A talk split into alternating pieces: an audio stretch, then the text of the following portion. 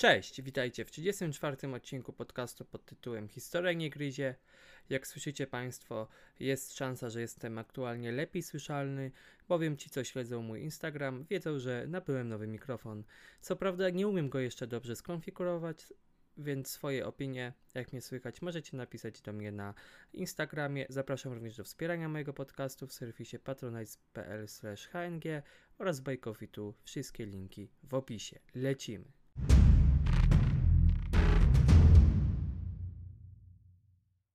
Największe znaczenie dla losów wojny miał front zachodni. Hindenburg przekonał Kaisera oraz kanclerza, że front zachodni ma o wiele większe znaczenie niż front wschodni. 18 lutego 1916 roku nowy dowódca armii brytyjskiej we Francji, Sir Douglas Haig, ustalił, że brytyjsko-francuska ofensywa rozpocznie się w rejonie rzeki Somme. Niemcy w tym momencie zaplanowali atak wyprzedzający te plany na terenie twierdzy Verdun, z czysto prostych powodów. Po pierwsze, stała ona na drodze do ważnych okręgów przemysłowych i rolniczych, a po drugie, mm, to tam pod Verdun w 1870 roku Francuzi przegrali z Prusakami, co okazało się zmierzchem cesarstwa Napoleona III. Niemcy planowali ogólnie, że po kilkunastu dniach walki twierdza Wender będzie zdobyta. Tak się oczywiście nie stało. Falkenhayn, czyli szef sztabu generalnego, przekonał Kaisera, żeby walczyć jednak w Verden do ostatniego żołnierza i w ten sposób miejsce to stało się jednym wielkim cmentarzem. Była to jedna z najbardziej dramatycznych i zaciekłych bitew w dziejach wojen. Pod Verden walczono z niebywałym uporem, nawet wtedy, kiedy to yy, miejsce zostało tak doszczętnie zniszczone, że przestało mieć jakiekolwiek znaczenie. I ogólnie to Verdun było twierdzą zbudowaną w drugiej połowie XIX wieku i składała się ona z 20 fortów żelbetowych i z różnego rodzaju wież pancernych. Niemcy również yy, znosili tam łącznie setki tysięcy, jak nie i miliony sztuk amunicji, zarówno amunicji polowej, jak i poręcznej i również znieśli tam prawie 3000 dział.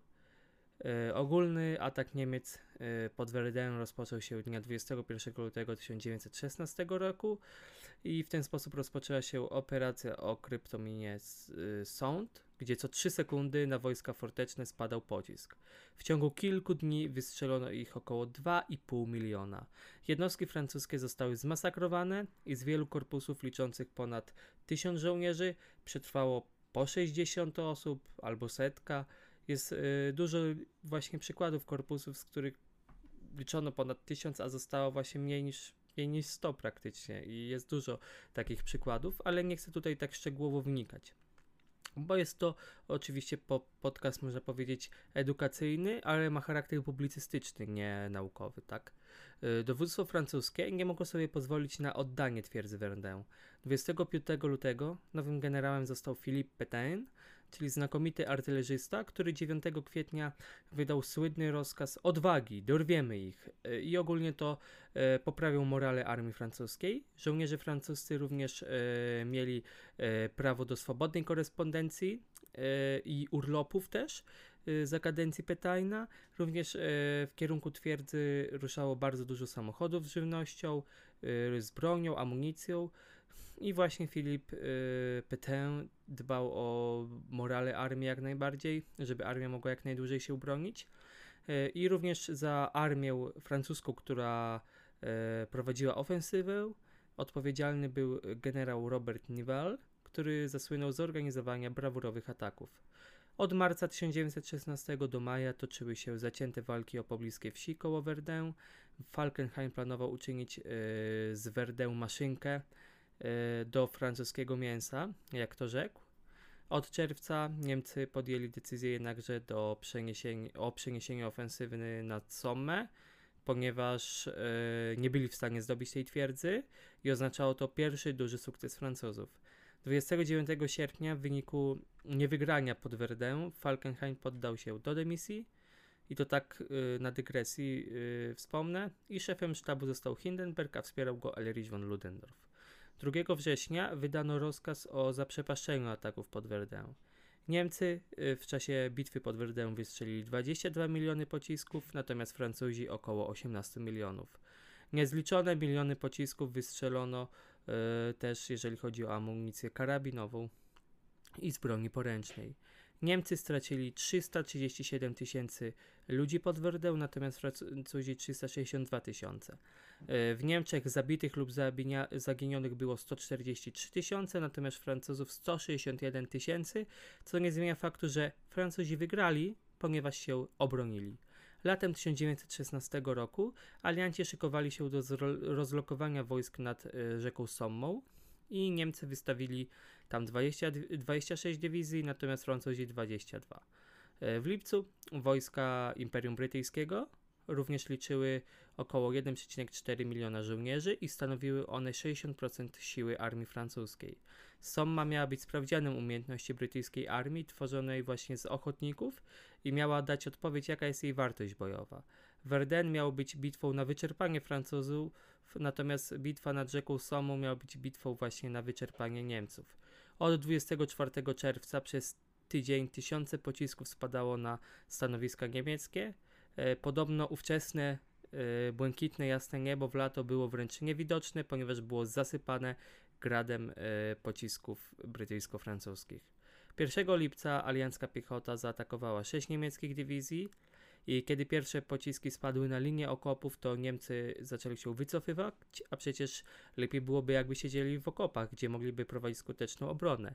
Jednakże niemiecki system obronny zdał tutaj egzamin, bowiem po przeniesieniu poza linię rażenia brytyjskiej artylerii ustawili się oni w miejscach obronnych, gdzie ostrzeliwali Brytyjczyków karabinami maszynowymi. Pierwszego dnia 60 tysięcy Brytyjczyków zostało wyeliminowanych, z czego 20 tysięcy zabitych. Żołnierze generała Fosza, przesuwając się o kilka kilometrów do przodu, nie mogli e, dalej e, prowadzić ofensywy, ponieważ nie byli w ogóle skuteczni. Niemcy bronili się za to bardzo desperacko i właśnie tutaj liczyła się liczba i jakość pocisków, i jakość środków obrony, a nie umiejętność, a nie umiejętności czysto militarno-taktyczne. Tutaj teraz napomnę niemieckiego prozaika, filozofa i uczestnika tych działań wojennych Ernsta Jingera, który powiedział Tutaj rycerskość zniknęła na zawsze, podobnie jak wszelkie szlachetne i osobiste uczucia. musiały ustąpić przed nowym tempem bitwy i rządami maszyny. Tutaj nowa Europa po raz pierwszy objawiła się w walce. I w ten y, sposób właśnie y, można powiedzieć, y, uważano o wydarzeniach, co działy się w 1916 roku. Jednakże to jeszcze nie koniec, ponieważ alianci oczekiwali, że dojdzie do przełamania frontu, dzięki czemu y, się oni o kilkanaście kilometrów, mimo że warunki atmosferyczne ku temu nie pozwalały, było chłodno i występowały obfite opady deszczu. Soma okazała się wprawdzie klęską obu stron, podobnie tak jak Verdun. E, front również przesuwał się raptem o kilka kilometrów za cenę ogromnych i nieporównywalnych strat w dziejach historii. Niemcy stracili 430 tysięcy zabitych, e, rannych, zaginionych i wziętych do niewoli, a Brytyjczycy stracili 380 tysięcy, Francuzi natomiast 170 tysięcy. Oznaczało to, że każdy kilometr zdobytego frontu kosztował Brytyjczyków 40 tysięcy ofiar. Praca artylerii robiła z ciał ludzkich totalną miazgę, więc z tego wynikała duża liczba zaginionych osób podczas I wojny światowej. Sir Douglas Haig, czyli brytyjski dowódca armii, oceniał Sommę pozytywnie, gdyż zmusił Niemców do skrócenia frontów i wycofania się na linię za linię Hindenberga tak zwaną. Niemieckie dywizje również zgłaszały zapotrzebowanie podczas, e, jako ciekawostka już to powiem, e, podczas wydarzeń pod Somu na blisko 95 ton drewna, 95 ton cementu, również e, całe tony narzędzi, worków z piaskiem, materiałów na zasieki i to na jeden dzień tyle wystarczało, także no tutaj materiały naprawdę szły. W latach 1914-1918 armie walczące na froncie zachodnim w ogólnym stopniu się rozbudowały i najbardziej to tyczyło się Imperium Brytyjskiego, jednakże front dalej nie był rozstrzygnięty. Przejdźmy teraz do wydarzeń frontu wschodniego w 1916 roku. Aleksiej Brusiłow, czyli dowódca frontu południowo-zachodniego, podjął ofensywę w kierunku wołyńskiego Łódzka. E, Brusiłow de facto był najskuteczniejszym generałem rosyjskim podczas I wojny światowej, chociażby z tego faktu, że przygotował ofensywę rozważnie i niezwykle starannie. Reszta generalstwa rosyjskiego była przeciwna de facto nowej ofensywie, a jednolite dowództwo w Rosji przestało e, dobrze działać. Jednakże Brusiłow ruszył na froncie o długości 300 km, ciągnącym się od Błot Poleskich aż po Bukowinę. Niemcy i Austria według profesora Andrzeja Chwalby nie bardzo traktowały tę ofensywę już poważnie, e, ponieważ rok wcześniej przecież wygrali e, zatrważającą bitwę pod Tannenbergiem. Rosjanie też mocno parli naprzód. 7 czerwca zameldowali się już w Łódzku, gdzie atakowali też również węzeł kolejowy w Kowlu.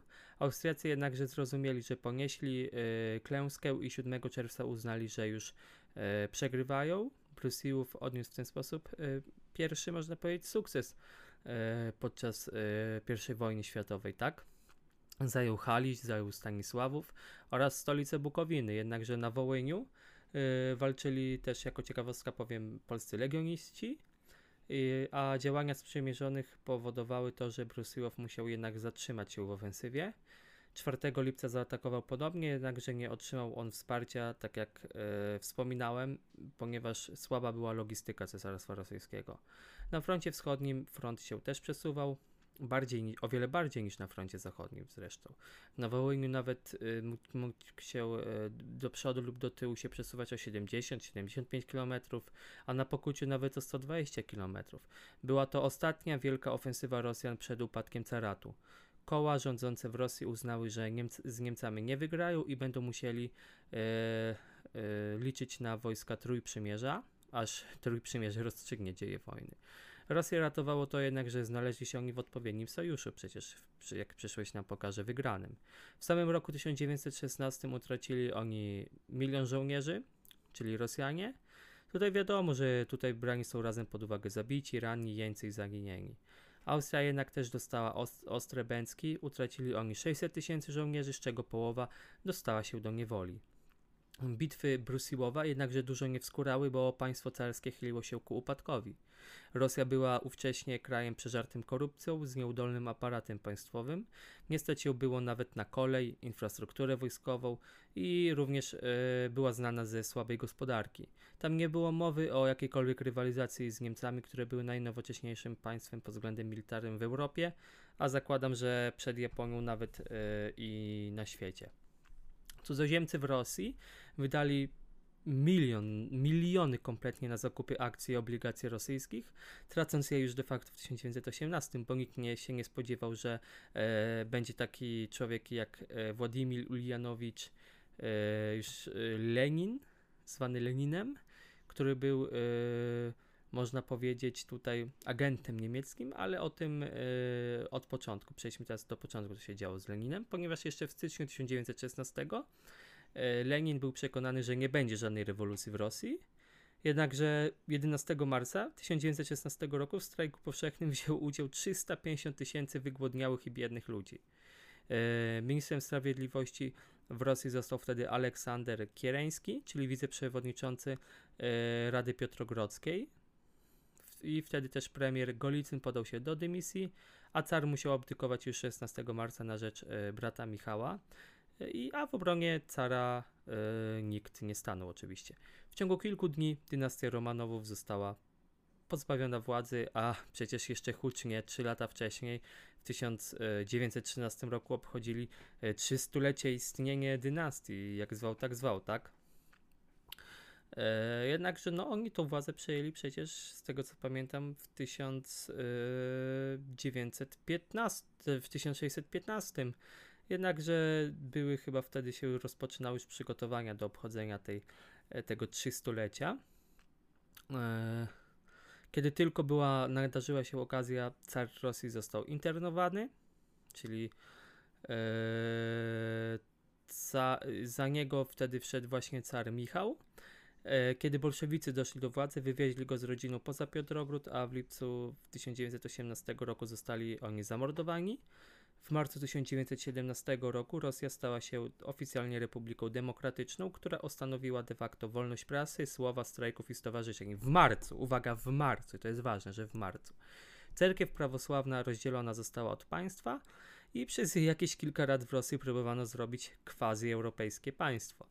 Od sierpnia 1917 roku w nowych wyborach rad bolszewicy osiągnęli przewagę i ogólnie nazwa bolszewicy pochodzi od etymologii słowa bolszewik, co znaczy chyba po rosyjsku będący w większości, jakoś tak. Chodzi po prostu, że bolszewicy znaczy ci, co mieli większość tam głosów w Radzie. Bolszewikom przewodził oczywiście Lenin i w czasie wojny przebywał on e, wraz e, z żoną i współtowarzyszami w Szwajcarii. Do Rosji postanowił on powrócić na wieść o rewolucji marcowej w 1916, lecz państwa Antanty nie wyraziły zgody na jego przejazd. E, nie odmówili jednak mu pomóc jedynie Niemcy i umożliwili niejakiemu Władimirowi Iliczowi Ulianowowi przekroczenie ich granic i bezpiecznie pokonanie obszaru Rzeszy. Berlin planował również e, wspieranie sił w państwach Antanty, takich można powiedzieć buntowniczych, które nie były zadowolone z udziału w wojnie, a przeciwko wojnie na przykład w Rosji opowiadali się anarchiści, e, socjaldemokraci i bolszewicy. Największy potencjał antyaliancki właśnie reprezentowała, można powiedzieć, e, partia polityczna Lenina. 9 kwietnia w towarzystwie 25 osób 1917 roku, w tym 7 kobiet, odjechał on z dworca w Zurychu. Pociąg, którym podróżował, nie zatrzymywał się po drodze i po opuszczeniu Rzeszy przekroczył on granicę Szwecji, potem wdarł się w, na tereny Finlandii, które należała wtedy do Rosji i później od razu e, przeniósł się e, na tereny Cesarstwa Rosyjskiego. E, również został on wysłany oczywiście do Rosji w celu wzniecenia rewolucji i został on zarejestrowany na niemieckiej liście płac jako agent i otrzymał on pieniądze z Berlina na prowadzenie e, szeroko pojętej akcji propagandowej i agilitacyjnej. E, zakup broni i inne cele, podobnie jak e, inni przywódcy bolszewików, e, było wszystko opłacane przez Berlin. E, również Berlin wy, e, mnóstwo pieniędzy wydał na wspieranie akcji rewolucyjnej, w tym propagandy i dywersji. Dlatego około 500 milionów y, ówczesnej mark, marki pieniężnej y, według współczesnych y, obliczeń zostało wydane na propagandę w Rosji. W przeliczeniu na dzisiejsze euro wychodzi, o to, że, wychodzi na to, że Niemcy wydali na propagandę w Rosji około 500 milionów euro w przeliczeniu oczywiście na dzisiejszą walutę. Pośrednikiem między Niemcami a bolszewikami był żydowski finansista Aleksander Izrael Helfand, pseudonim chyba Parvus. W czerwcu 1917 roku e, również bolszewicy utworzyli batalion wojskowy kobiet z inicjatywy e, syberiaczki Marii Boczkariowej e, i twierdzono w piotrogrodzkiej prasie, że jeżeli mężczyźni odmawiają walki za swój kraj, to trzeba pokazać, co potrafią kobiety. W lipcu 1917 roku wydali jeszcze oni rozkaz o ataku na froncie I wojny światowej, ponieważ e, e, premier Kiereński dał się przekonać generał, e, generałom, że warto wziąć udział jeszcze w wojnie, jednakże tak jak mówię, nic to nie wskórało. E, wtedy jeszcze bolszewicy nie przejęli de facto władzy, bo był jeszcze lipiec 1917 roku. E, atak zwany właśnie ofensywą e, Kiereńskiego zakończył się klęską i mimo tego, że dowódcą wojskowym był wtedy Brusiłow i bolszewicy skutecznie wzywali wtedy do dezercji i do tego, żeby Rosjanie jednakże opuścili teren walk, żeby nie brali udziału w ogóle w wojnie. Po czterech dniach walki wojska niemieckie opanowali Rygę, a wcześniej wyspy Monsunckie, czyli dzisiejszy archipelag zachodnioestoński. To wszystko też można powiedzieć miało miejsce dzięki temu, że e, bolszewicy skutecznie destabilizowali już podupadającą armię rosyjską. E, Kiereński jeszcze w lipcu de facto 1917 roku ujawnił oficjalnie, że Lenin i partia bolszewicka są agentami Niemiec i Lenin wtedy musiał e, szybko uciekać e, w przebraniu. Nosił on siwą perukę, grube okulary i zgolił też brodę, żeby nie dawać się wyznaki, a na zebraniu pokryjomu bolszewicy spierali się w Instytucie Smolnym, co zrobić, też de facto się tam ukrywali, tak? 4 listopada e, według e, datacji, można powiedzieć, e, gregoriańskiej, Lenin przekonał Komitet Centralny do zrywu rewolucyjnego. 10 spośród głosujących opowiedziało się za podjęciem walki w Instytucie Smolnym, e, między innymi, ale też przeciw byli takie postacie jak Grigorij Zinowiew i Lew Kamieniew, którzy byli przeciwni zrywowi rewolucyjnemu. W nocy z 6 na 7 listopada e, bolszewicy, tutaj na marginesie jeszcze wspomnę, że rewolucja październikowa, o, którą teraz, o której teraz chcę opowiedzieć, chodzi e, bowiem październikowa, że ze względu na datację prawosławną, a nie gregoriańską, ale to mniejsza o to. Tak naprawdę to miało miejsce w listopadzie. Mm, bolszewicy dowodzący regularnymi oddziałami garnizonu Piotrogrodzkiego, wspierani przez formację Czerwonej e, Gwardii, bez walki zajęli okoliczne elektrownie Piotrogrodu, gazownie i siedziby rządu Pałacu Zimowego. E, wartownikom wtedy, pan, wtedy będącym w pracy, którzy pilnowali e, danych instytucji, kazali iść do domu i Lenin porównywał swoje przyjęcie władzy w Rosji do podniesienia piórka. Sam twierdził propagandowo do lokalnej ludności, że przejął miasto w obawie przed Niemcami, a przecież kurczę każdy wiedział, że on był niemieckim agentem, tak? Na wszechrosyjskim zebraniu rad ogłosił, że przejmuje on władzę i jego partia, uzyskali oni oczywiście stosowną legitymację. Lenin stał na czele komisarzy ludowych, a Trocki został komisarzem spraw zagranicznych. Kiereński nie umiał nawoływać yy, swoich ludzi do walki z bolszewikami, Ponadto bolszewicy bardzo postępowali zręcznie, ponieważ nie niszczyli oni starych struktur państwa, ale je wygaszali. 14 lutego 1918 roku wprowadzili nawet oni kalendarz zachodni, czyli gregoriański, że niby zmierzają w kierunku standardowych rozwiązań zachodnich, a jednocześnie tworzyli oni własny aparat przemocy i terroru, który się nazywał Robotniczo-Chłopską Armią Czerwoną i 20 grudnia powołali oni Wszechrosyjską Nadzwyczajną Komisję do Spraw Walki z Kontrrewolucją i Sabotażem, którą się nazywało w skrócie organizacją Czeka. I ostatecznym środkiem tej organizacji była konfiskata mienia, dlatego każdy bał się przeciwko nim występować. Na czele Czeka stanął Felix Emundowicz Dzierżyński, który był Polakiem de facto. Polecam przeczytać sobie o nim życiorys. Nie wiem, czy nie nagram e, też od niego o nim, o tej postaci oddzielnego podcastu, jednakże wtedy jak skończymy serię e, przedstawiającą dzieje maturalne. Przewrót bolszewicki wywołał podczas I wojny światowej niepokój o przyszłość frontu wschodniego. 21 listopada bolszewicy zaproponowali państwom centralnym rozejm, jednakże rokowania zaczęto przeprowadzać w Brześciu od 3 grudnia. 17 grudnia 1917 roku rozejm wszedł w życie, więc Rosjanie wycofali się oficjalnie z wojny. Jednakże yy, dodatkowo wspomnę, że 9 lutego następnego roku uznano już niepodległość Ukrainy w 1918 roku. Po trzech miesiącach rozejm jednakże wygasł, a do zawarcia oficjalnego pokoju nie doszło, dlatego Lew Trocki zerwał rokowania i wrócił do Rosji. W ten sposób armie centralne ponownie pomaszerowały na Rosję, a ziemię zajmowały one bez największego oporu, ponieważ e, bolszewicy wiedzieli, że nie muszą państwo e, zbudować rewolucyjnie od początku, dlatego mieli oni słabą armię i słabe działanie, można powiedzieć, kraju. Opanowano e, Estonię, Pschów i zbliżono się do Piotrogrodu przez y, wojska Trójprzymierza. Y, urzędy przeniesiono w konsekwencji do Moskwy z Piotrogrodu.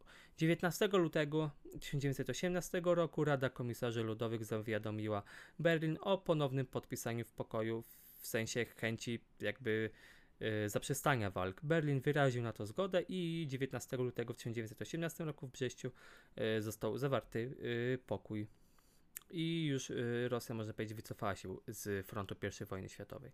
Socjalistyczna Republika Radziecka przyjęła mordercze warunki podyktowane przez Trójprzymierze.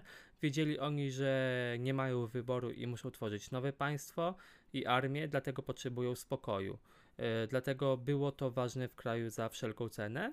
E, Turcji też przekazali Batumi i Karsu na, na Zaukaziu. Ukraina została niepodległa. Ogólnie to Rosja utraciła 32% ziemi uprawnej, 34% populacji i 90% kopalni węgla, w tym 33% e, linii kolejowych, których i tak było niewiele. Rosjanie de facto wypuścili 800 tysięcy jeńców wojennych, w tym 167 tysięcy Niemców i umożliwiło to wojskom niemieckim powrót do Rzeszy i też innych narodowości, np. Austro-Węgier. Nie trzeba było też jeńców wyżywiać, pilnować, dlatego problem też można powiedzieć, że sam znikł. E, po drugie, e, też Lenin liczył na to, że jeńcy pod wpływem idei rewolucyjnych zrobią przewrót komunistyczny w swoich krajach. Nawet kierowano żołnierzy jenieckich, jak wrócili do swoich krajów na kwarantannę, gdzie przeprowadzano im po prostu rewizję, bo się obawiali tej rewolucyjnej kontrabandy Lenina. E, proces repatriacji państwa zakończył się w 1921 roku. Traktat brzeski upokarzający Rosję, czyniący ją państwem zależnym od y, Niemczech, wywoływał debaty w partii bolszewickiej. Y, niektórzy nawoływali do odrzucenia pokoju, ponownego rozpoczęcia wojny. Y, jednakże nie było co walczyć z Niemcami, to, to, ponieważ to od Niemiec płynęły pieniądze na partię bolszewicką, tak? dlatego zaproponowano na zebraniu Rady Bolszewickiej, że żeby kraje imperialistyczne takie jak Niemcy, Wielka Brytania, same się wykrwawiły i wtedy ewentualnie partia bolszewicka zaplanuje jakiś tam atak, tak? Już w sierpniu 1918 roku Brytyjczycy opanowali Archangelsk i, i wzmocnili obronę Murmańska. Na Dalekim Wschodzie e, Japończycy wylądowali w okolicach Władywostoku i pomaszerowali w głąb Syberii. E, potem jeszcze dołączyło tam 8 tysięcy Amerykanów. Na wschód od jeziora Bajkał wojska czerwonych, czyli bolszewickie, były bardzo skromne i do końca sierpnia 1918 roku do Władywostoku przybyło 18 tysięcy Japończyków, których to liczba powiększyła się ostatecznie do 72 tysięcy. Japończycy na stale pragnęli opanować Syberię i Azję Centralną, traktując ją jako zaplecze surowcowe dla własnej gospodarki. Imperialne plany Japonii niepokoiły USA i Wielką Brytanię. Yy, I teraz przejdźmy do tego, co się działo na yy, froncie yy, w Rosji. Już w sierpniu 1918 roku Brytyjczycy właśnie opanowali Archangelsk i wzmocnili obronę murmańska. Na dalekim wschodzie, tak jak wspominałem, Japończycy wylądowali w okolicach Władywostoku a 8 kwietnia 1918 roku Niemcy zajęli Charków i 23 kwietnia Sym-Feropol na Krymie i sukcesywnie poruszali się oni na południowy wschód. Tutaj też napomnę o kampanii rumuńskiej, ponieważ jak wiecie Rumunia nie mogła się zdecydować czy wziąć udział w wojnie czy nie. Ostatecznie e, oni wzięli udział e, po stronie, znaczy ogólnie wzięli udział w wojnie i co skończyło się dla nich katastrofalnie. E, opcja proaliancka wybrana przez e, Rumunów cieszyła się dużą popularnością, o wiele większą niż e, można powiedzieć tą rolą Trójprzymierza. Czekali oni też na zwłokę, czekając na dogodny moment do dołączenia do wojny i postawa ich irytowała Niemców. Nie chcieli oni też udostępnić swoich terytoriów do tranzytu ich towarów do Turcji. 17 sierpnia 1916 roku Bukareszt zdecydował się podpisać układ polityczny i konwencję militarną z Antantą i skłoniły to i Rumunie i w ten sposób też e, Rumunie chcieli dołączyć znaczy Rumunie. Rumunowie chcieli dołączyć y, też y, do wojny ze względu na to, że przecież Brusiłow y, po stronie Trójporozumienia jakieś tam miał w 1916 sukcesy militarne. Również Rumunia zapowiązała się do walki z Austrią, ale uwaga, nie z Rzeszą. Mieli zaatakować oni Austrię w ciągu 10 dni. 27 sierpnia większość członków Rady Koronnej opowiedziała się za wojną. Kraje Antanty ogarnęła radość i miało to przynieść pozytywne zmiany na froncie wschodnim. Dowódcą armii niemiecko-austriackiej został generał Falkenhayn. E, z nocy z 27 na 28 sierpnia trzy armie rumuńskie pod wodzą generała Aleksandra Averescu wkroczyły na terytorium Siedmiogrodów. Wdarli się oni na jego terytorium na odległość 130 km od granicy, jednakże armia rumuńska po kilku tygodniach wojny potrafiła zgromadzić nawet 400 tysięcy ludzi. Jednakże była słaba de facto, gorsza od serbskiej armii i też bułgarskiej. Niemcy i Austro-Węgry brały pod uwagę perspektywy wojny z Rumunami, dlatego też się do niej e, przygotowywali.